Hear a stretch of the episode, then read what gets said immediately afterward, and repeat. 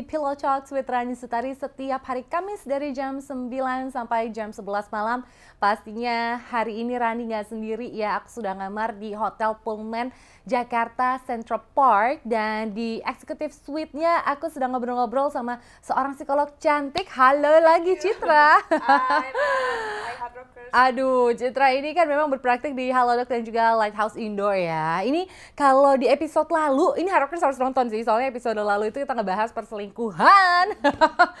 Di mana banyak sekali orang yang memutuskan untuk bercerai atau putus dari pasangannya karena ada uh, perselingkuhan. Tapi sebenarnya hari ini tuh gue pengen ngebahas banget nih Cit ya. Uh, proses putusnya itu sendiri ya jadi bukan cuma karena masalah perselingkuhan gitu karena yang namanya putus cinta putus hubungan atau bercerai let's say gitu apalagi ini trennya akhir-akhir ini Iya. banyak banget loh orang yang cerai dan malah happy itu tuh sebenarnya kenapa sih Cit? Karena hmm, gue ngeliat dan gue juga ikut mikir gitu. Jangan-jangan orang-orang yang putus atau memutuskan untuk mengudahi sebuah hubungan ini itu juga pasti ada beberapa faktor.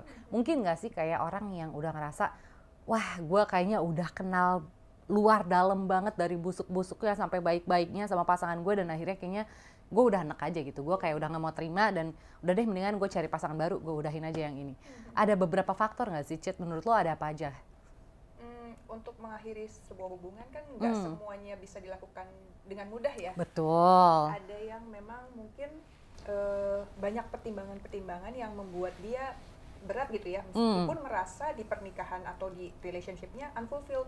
hmm. Entah itu karena faktor udah punya anak, Hmm. misalnya eh, penilaian keluarga, Iya. lingkungan, image dia di publik, atau mungkin punya harta bersama gitu ya.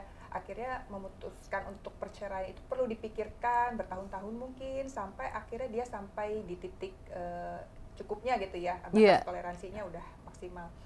Nah, kalau misalnya dia memang sudah merasa semakin dipertahankan dia semakin terluka, Hmm. semakin tidak didengarkan, tidak ada kesempatan atau upaya untuk bisa saling mengusahakan satu sama lain, Hmm. eh, values-nya juga udah mungkin berbeda, yang ya nggak apa-apa juga ya untuk memang mengakhiri hubungan yang udah nggak sehat. Iya, Apalagi iya. Kalau dianya misalnya korban KDRT gitu ya, Wah iya sih.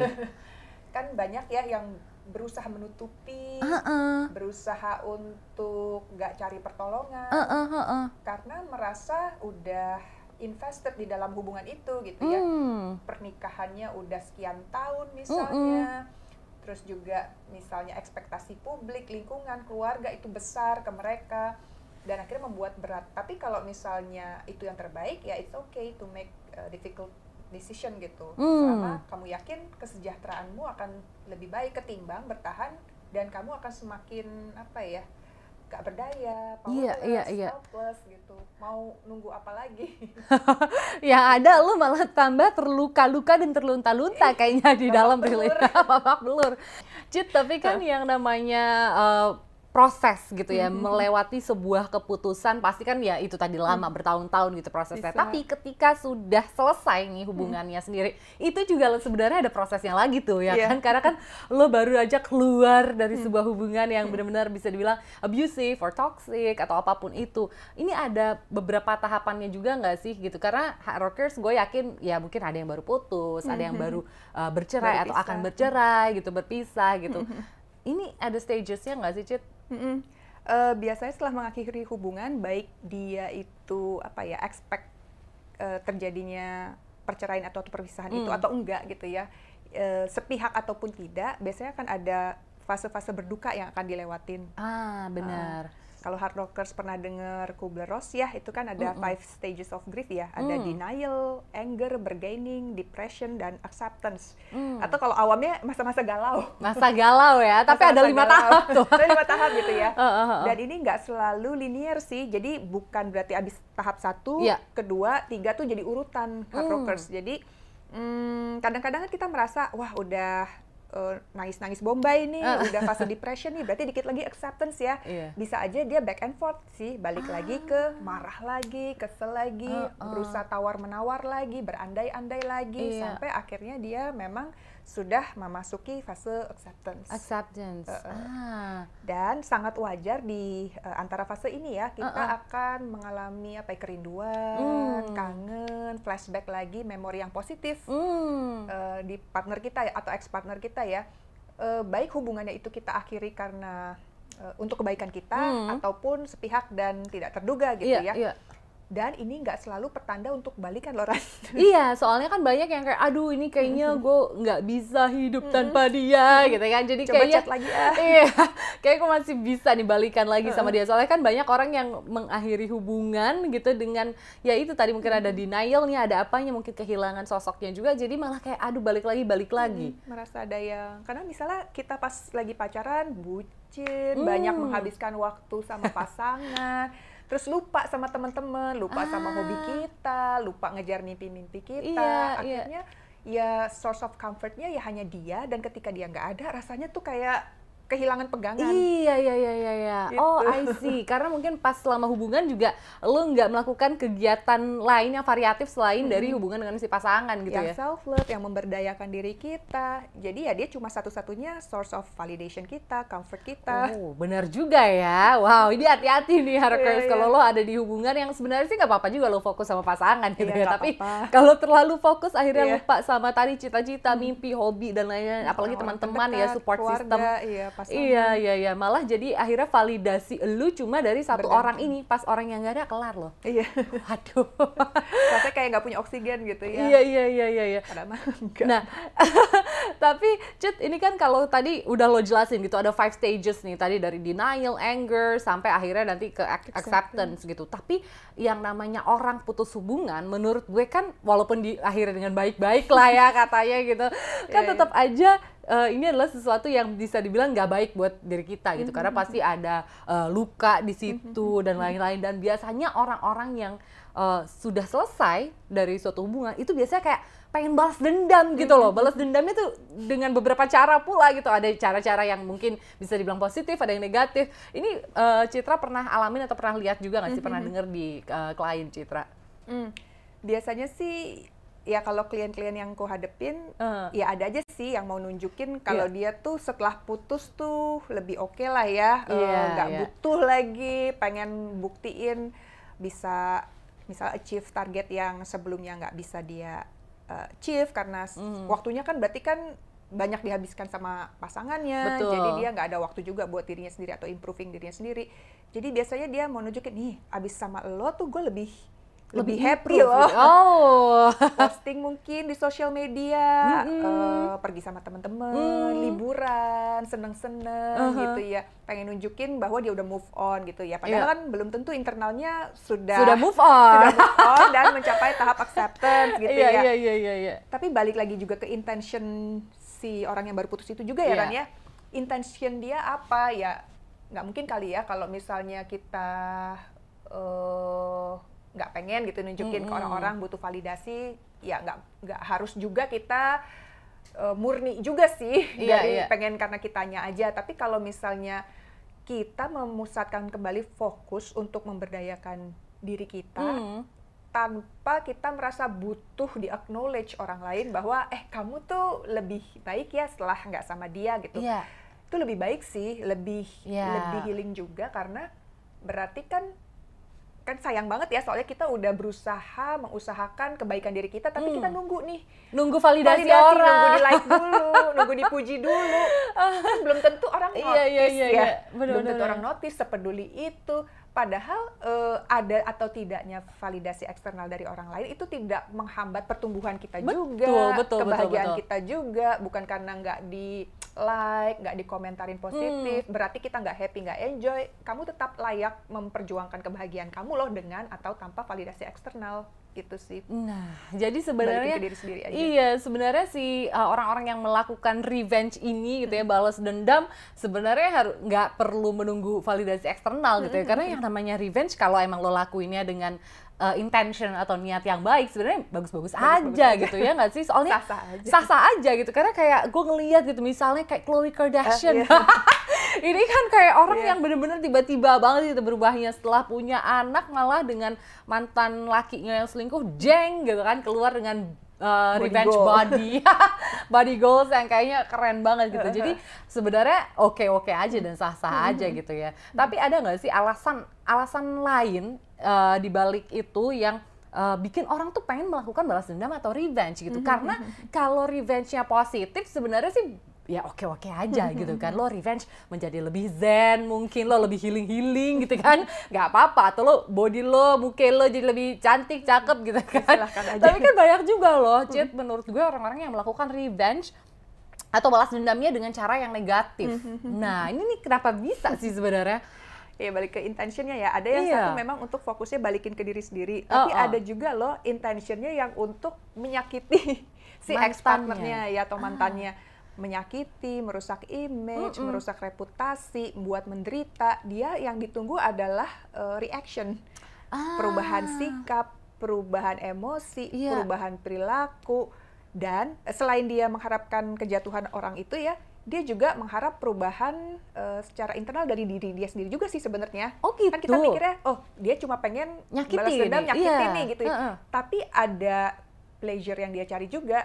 Dia pengen merasa lebih baik, oh feeling good dengan feeling good. merasa eh, sudah memberikan penghukuman atau penghakiman yang layak buat si si mantannya. mantannya. Jadi Heeh. dia ngerasa puas gitu Puas kalau juga. dia melakukan balas dendam yang tidak baik kepada mantannya gitu ya. Ini soalnya agak-agak nyangkut nih ya sama kasus yang kemarin tuh sedang viral di mana-mana ya tentang si Iya. revenge porn ini gitu kan. Ini jahat banget gitu ya. Iya, Dia berarti ingin melukai, mencederai image mantan pasangannya, ingin uh, menjatuhkan juga Menjatuhkan, karirnya dan lain-lain. relationship-nya yang sedang dijalani padahal happy-happy aja.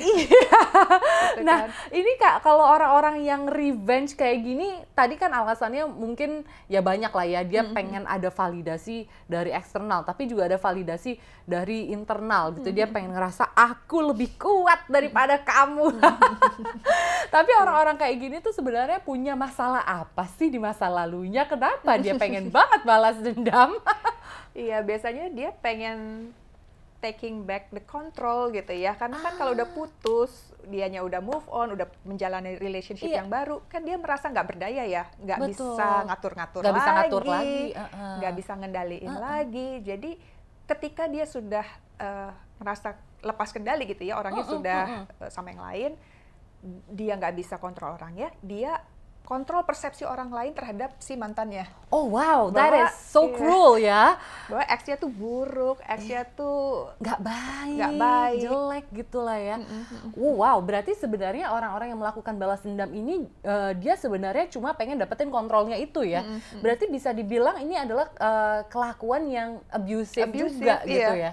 Hmm, berarti ini mungkin nggak sih? Soalnya aku juga akhir-akhir ini lagi sering baca mengenai NPD gitu, ah. Narcissistic Personality Disorder gitu. Ah, biasanya mungkin orang-orang yang tadi nih yang eh, Citra jelasin, orang-orang yang pengen take back control, pengen eh, divalidasi perasaan atau pikirannya aku tuh lebih keren, lebih oke, lebih jago Lebih dari powerful. kamu, powerful, lebih lebih powerful dari kamu.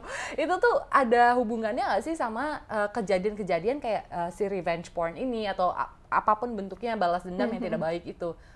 memang sih ada kecenderungan ya orang-orang yang merasa entitled gitu ya Hmm. Iya. bahwa ya harusnya aku diperlakukan spesial dong kenapa udah enggak gitu Iya. ya Eh, kan lukanya jadi besar di dia Hmm. merasa eh, boleh atau berhak Iya. untuk ngambil kendali atas eh, kontrol orang itu gitu atau mantannya gitu ya memang banyak kasus yang kalau dicek gitu ya udah ada polanya sih Ran gitu Oh, ya dari zaman polanya ya? pacaran gitu ya Ah, ah, ah, ah. eh, sampai dia gongnya misalnya Mm-mm. melakukan revenge porn gitu ya biasanya nggak ujuk-ujuk tiba-tiba langsung Revenge gitu Revenge ya? gitu Oh, ya. oh, oh, oh.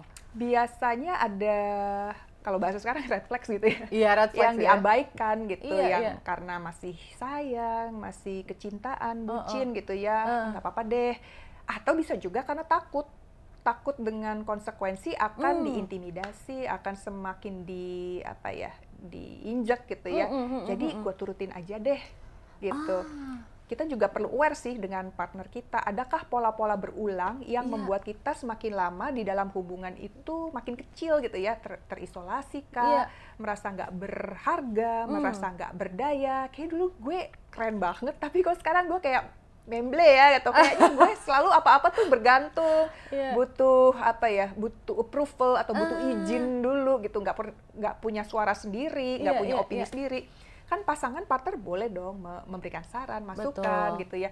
Tapi kan nggak berarti itu semuanya eh, wajib atau perintah yang harus Hmm. diikuti kan. Kita tetap berhak kok punya suara, Mm, mm, boleh mm, mm. berkompromi gitu ya. Tapi kalau kita makin kehilangan suara, makin nggak berdaya, pengennya jadi bawaannya pengen nutupin dari orang-orang terdekat kita. Ah, I see. Kadang nggak disuruh putus hubungan sama orang-orang terdekat Betul. kita, belum tentu. Belum, tapi karena aha. kita saking kita korban misalnya, Mm-mm. saking malunya, takut malah Takut. dipisahin, Iya. itu juga banyak kan. Jadi Uh-uh. dia tahu sih pasangannya itu abusive, tapi kalau Uh-uh. cerita cari emotional support, Uh-uh. dia malah akan disuruh putus. Uh-uh. Jadi jadinya malah nggak bilang. Loh, jadi loh padahal kan Bisa lo- dilindungi. Wah, oh, oh my god, ini jadi aneh ya, Bo. Padahal dia udah tahu dia tersakiti, dia Uh-uh. terabuse Uh-uh. gitu kan, tapi pas lagi curhat let's say ke temannya atau mungkin ke keluarganya, dia malah takut disuruh putus. Malah dia nggak mau cerita. Malah nggak mau cerita.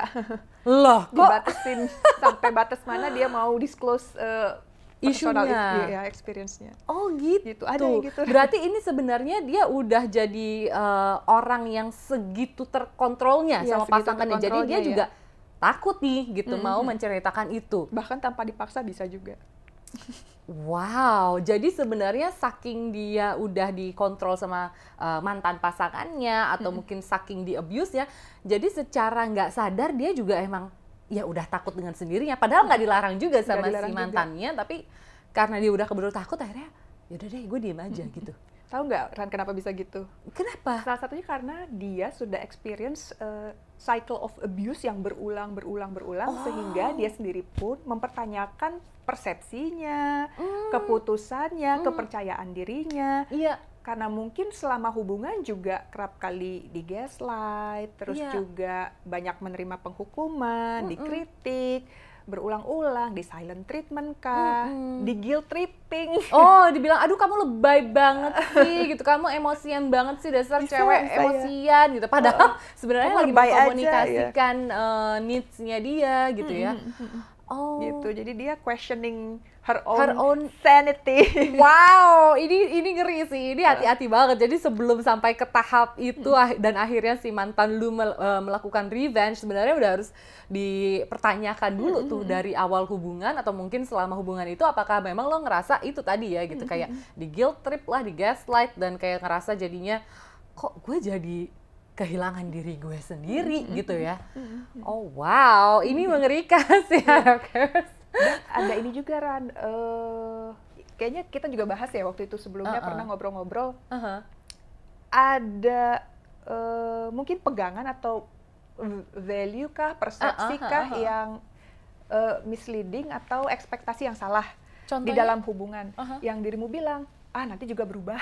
Oh, iya sih. Ini karena kebanyakan orang kan kayak Eh. gitu ya, gitu kayak eh, denial gitu sebenarnya. Denial, udah iya. tahu, udah ngelihat ciri-ciri atau red flag-nya nih kayaknya eh, harus kita hindarin gitu. Tapi karena ngerasa ya udahlah nanti juga berubah, pasti nanti dibilangin dia akan begini akan begitu.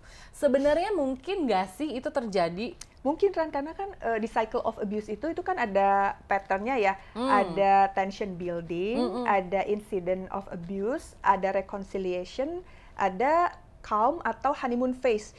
Ah. Jadi dia itu kenapa sampai kayak Rani bilang eh, kok dia masih bisa ngarepin berubah ya, berubah Iya. ya? Karena dia emang ada patternnya dan pada suatu titik dia ada masa tenangnya Ran Oh, ada masa oke. dia kan tension building itu kan dia mulai misalnya pasangannya itu mulai critical, mulai Iya. nada suaranya naik, Hmm. ada hal nggak sesuai dikit dia protes Hmm. gitu ya. Jadi si partner yang jadi korbannya merasa, eh gue harus hati-hati nih, kayaknya gue harus diam aja deh biar nggak di di abuse atau Uh-uh. biar nggak makin parah. Aha, aha. Padahal habis tension building memang untuk mempersiapkan meledaknya di incident of abuse-nya Oh, dimaki-maki kah kan juga nggak selalu fisik ya, nggak harus Iya. pukul-pukulan juga, bisa Betul. emosional, bisa seksual, bisa financial. Hmm. di uang bulanannya terlalu di-cut sehingga dia nggak bisa apa-apa, nggak punya tabungan juga, nggak disuruh kerja juga atau nggak boleh kerja gitu ya, nggak boleh Iya. berdaya, Aha. eh, atau di cut off dari eh, social supportnya gitu tuh Ah. bisa juga ya. Akhirnya ketika udah meledak-meledak di situ, nanti masuk ke reconciliation yang Aha. udah ex- as expected, nanti minta maaf, nangis-nangis, nangis-nangis, terus nyembah-nyembah, gitu. aku nggak akan melakukan aku itu janji nggak akan ulangin lagi itu terus dibeliin hadiah-hadiah mahal diajak Aha. liburan ke mana ke Bali Aha. ke luar negeri gitu Eh, atau bisa juga dianya nggak minta maaf korbannya yang minta maaf Loh, kok bisa bisa? juga merasa kan self esteemnya udah turun ya merasa Iya. eh, setelah di gaslight oh iya ya mungkin aku yang salah ya karena bisa juga setelah Oke. minta maaf si partnernya bilang gini aku nggak akan kayak gini kalau kamu nggak kayak gitu Oh my. jadi minta maaf tapi pakai syarat the blame comes to you. Waduh, waduh, waduh, waduh, waduh. Ini sih udah agak-agak kelewat batas nalar, tapi Iya. memang sering terjadi secara tidak sadar juga Iya. mungkin di hard rockers juga nih ya. Jadi seolah ada pewajaran ya. eh, Eh, kayak dinormalisasi, aja dinormalisasi, gitu bener kayak ya. oh ya udah deh mungkin dia memang marah-marah gara-gara guenya juga kali yang terlalu sering ngomel padahal bukan masalah ngomelnya ya Iya, mungkin iya. ketika kita ngomel itu kan sebenarnya mungkin lagi kayak mengkomunikasikan, Mengkomunikasikan kebutuhan, kebutuhan gitu ya aduh aduh aduh aduh jadi jadi nyesel, jadi submisif lagi. Iya iya iya iya. iya. Tapi pernah nggak sih eh, Citra gitu mem- melihat atau mengalami mendengar yang kasus entah itu dari eh, tadi ya narcissistic personality disorder atau abusive relationship ini yang benar-benar leading into revenge yang benar-benar wah jahat banget gitu loh. Dan gimana caranya untuk eh, memperbaiki tadi rasa percaya diri, self esteem dan lain-lain karena kan you lose your sense of self gitu, you lose yourself in the relationship gitu karena lo udah jadi nggak percaya diri dan lain-lain setelah melewati si hubungan yang gila tadi itu. Em, ya yang paling jahat juga salah satunya yang dirimu bilang di awal tadi revenge porn ya. Iya. Eh, disebarluaskan image atau video private gitu ya. Mhm. Eh, ada aktivitas seksual kah atau menampilkan tubuh gitu ya. Supaya nama baik rusak gitu Iya, ya. Iya. Eh, kalau memang sudah terjadi, upayakan sebisa mungkin sih ya memang eh, kita minim emotion yang kita Hmm. tampilkan eh, bahwa ya kita kadang yang ditunggu adalah re- reaks- reaksi sakit hatinya, Oh. reaksi kita menderitanya Aha, gitu aha. ya. Jadi semakin kita menampilkan itu, itu feeding the ego of Oh, I the abuser see. gitu.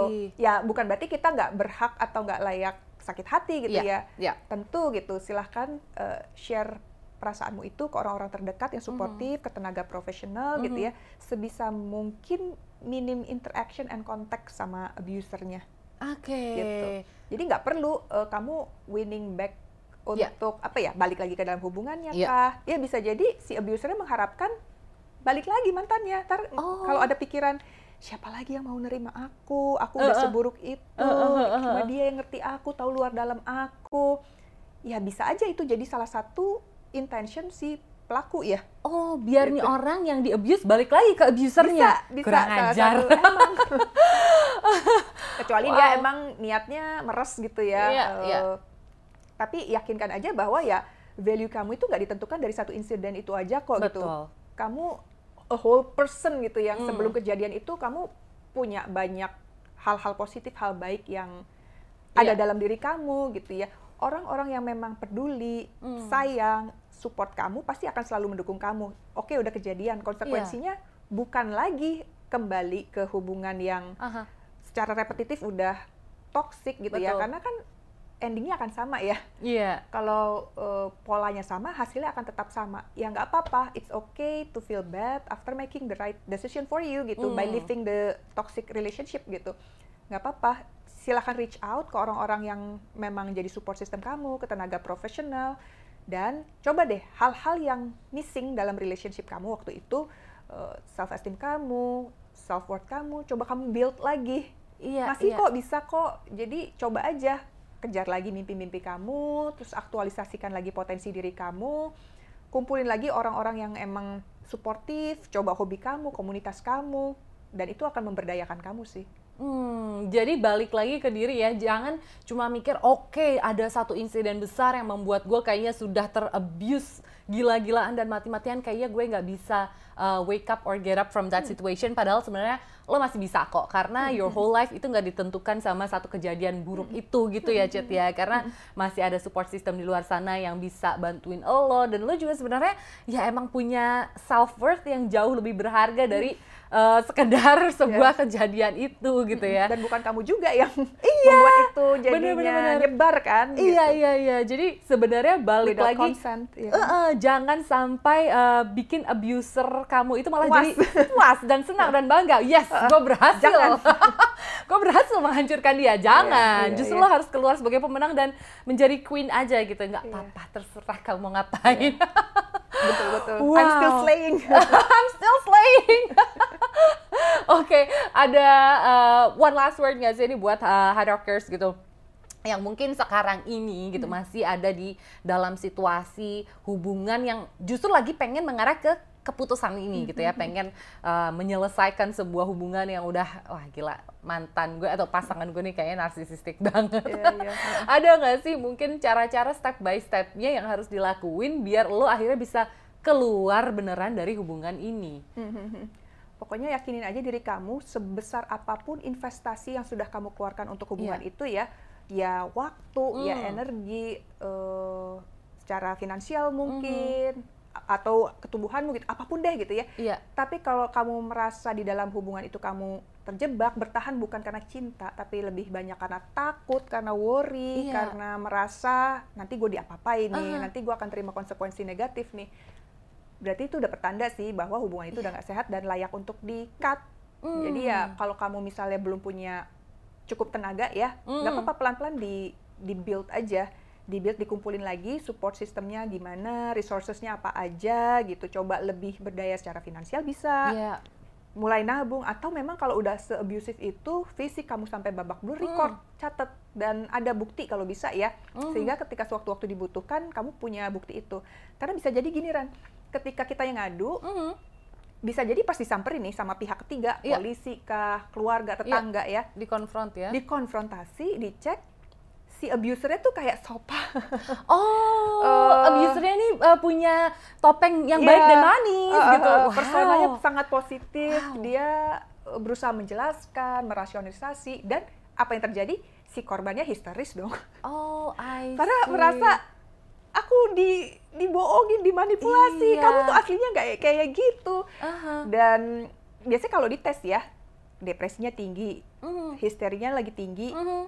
Jadi kecenderungan untuk tidak dipercaya, dipercaya juga jadi lebih besar. Padahal dia mengalami itu karena korban kekerasan, bukan oh, karena wow. dia mentally unstable yang benar benar suka mengada-ada, bukan berarti dia bohong, tapi iya. dia sudah sekian lama menerima perlakuan buruk. Iya ada waktunya dia bisa meledak juga gitu. Wah, jadi jangan sampai lu malah nggak dipercaya karena lu tuh nggak punya bukti dan dikiranya lu yang emosional dan histeria gila sendiri gitu yang halu-halu. Padahal sebenarnya lu sudah mengendure so much pain dan juga sudah mengalami fase uh, abusive dari orang yang ya mungkin ini tadi ya narsisistik gitu kan. Biasanya orang yang narsisistik kan iya. gitu ya yang kayak pinter yeah. uh, membawa dirinya. Di luar charming, karismatik, uh, butuh adoration yeah. gitu ya. Padahal di belakang pak pak pak pak pak gitu. Iya, waduh, ngeri banget harapnya jangan sampai kamu berada di relationship yang kayak gini dan mungkin kalau kamu saat ini sedang berusaha untuk keluar dari si relationship yang abusive tadi bersama orang yang narsisistik dan kamu malah mungkin takut, wah gue nanti takut kena revenge-nya nih gitu atau kayaknya nggak ada yang bisa menerima aku yeah. lebih baik dari dia. Enggak, enggak, enggak, enggak ya. Tenang aja karena lo punya nilai yang jauh lebih berharga dan hmm. lebih tinggi dari sekedar di uh, pukulin secara mental, dan emosional dan fisikal gitu. oh ini Ran, uh, kayaknya penting deh buat uh, teman-teman hard rockers juga tahu. Mm -hmm. Ada pernah dengar kan ya yang kode isyarat untuk minta pertolongan? Nah, itu juga kayaknya perlu dipelajarin tuh ya kalau memang sedang ada di hubungan yang abusive atau abusive toxic, gitu ya. Tandanya okay. itu tangannya kayak high five gitu ya. High five Kayak ya. high five tapi rapat semua. Oh. Rapat semua berdiri uh -huh. dan tunjukkan dia turun empat jarinya. Oh gini Telunjuk, ya. jari uh -huh. tengah, jari manis, jari kelingking. jempolnya mau gimana pun gimana pun bebas ya mau ditutup mau enggak yang penting menunjukkan kita tuh dari berdiri berdaya Iya. tiba-tiba rapuh jatuh nah ini Ah. kode minta tolong kalau kamu lihat ada teman kamu saudara kamu atau bahkan stranger ini layak dilaporin sih gitu. Karena berarti sudah menerima kekerasan secara fisik, mental dan juga emosional.